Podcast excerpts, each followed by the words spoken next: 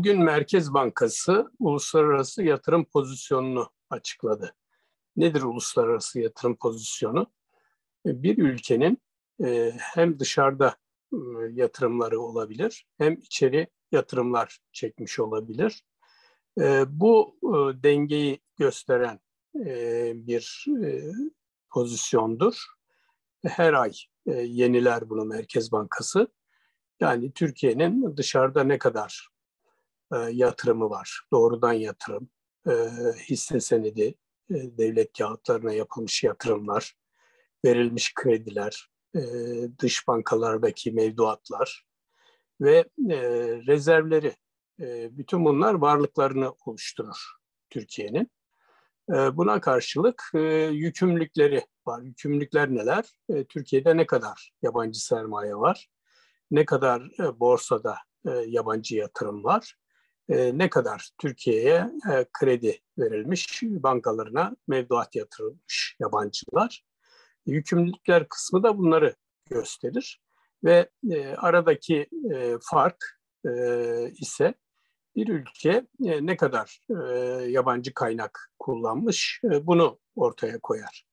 Şimdi Ocak ayı 2022 verilerine göre Türkiye'nin Türkiye tabii dış kaynak kullanıcısı. Yani dışarıdaki varlıkları e, içeride yabancıların e, yatırımlarının daha altında. Ne kadar altında?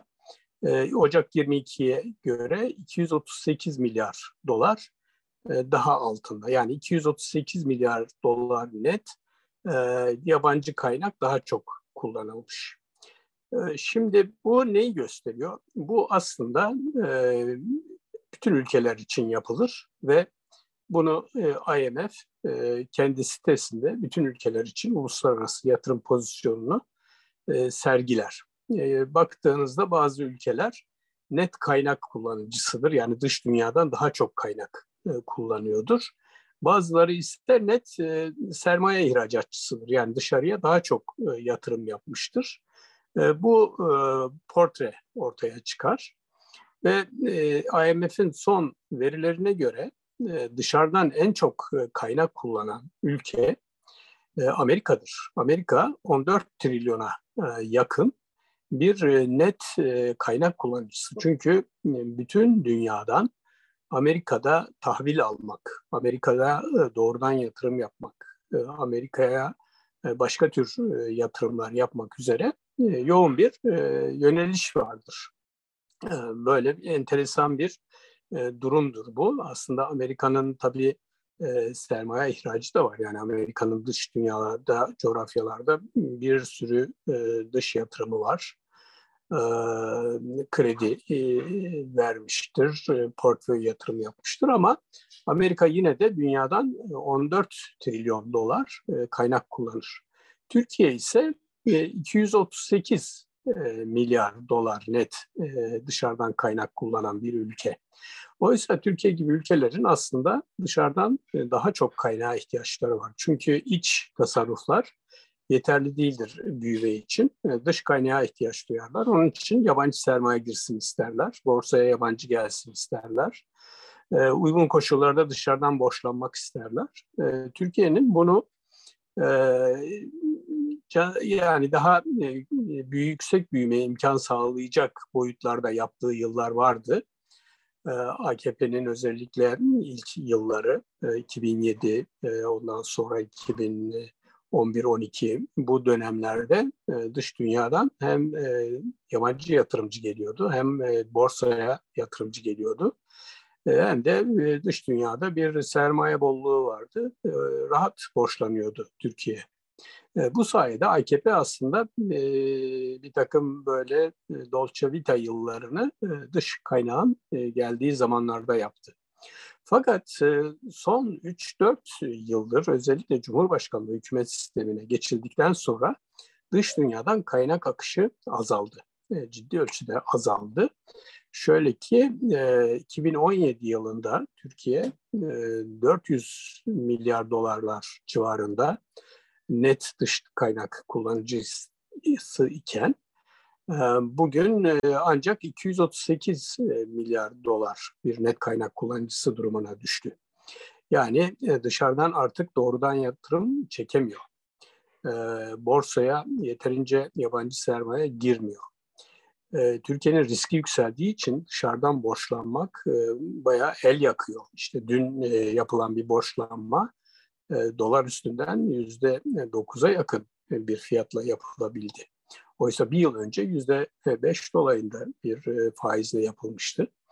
E, nedir yabancıların e, Türkiye'den uzak durmalarına neden? E, işte bunu e, Hazine Maliye Bakanı e, Fransa'da e, kentindeki bir seminerde e, şöyle dedi yani yabancılar gelsin korkmasınlar dedi. E, mevzuattır, e, bürokrasidir. E, bunların hakkından geliriz. Arkamızda Cumhurbaşkanı var. E, şunu demeye getirdi. Yani e, bizde hukuk vesaireden korkmayın. Biz e, Cumhurbaşkanı sistemindeyiz ve e, istediğimiz gibi yaparız. Şimdi bunun yabancılara bir e, teşvik, bir hoşluk olduğunu sanıyor bakan. Oysa ki şunu unutuyor.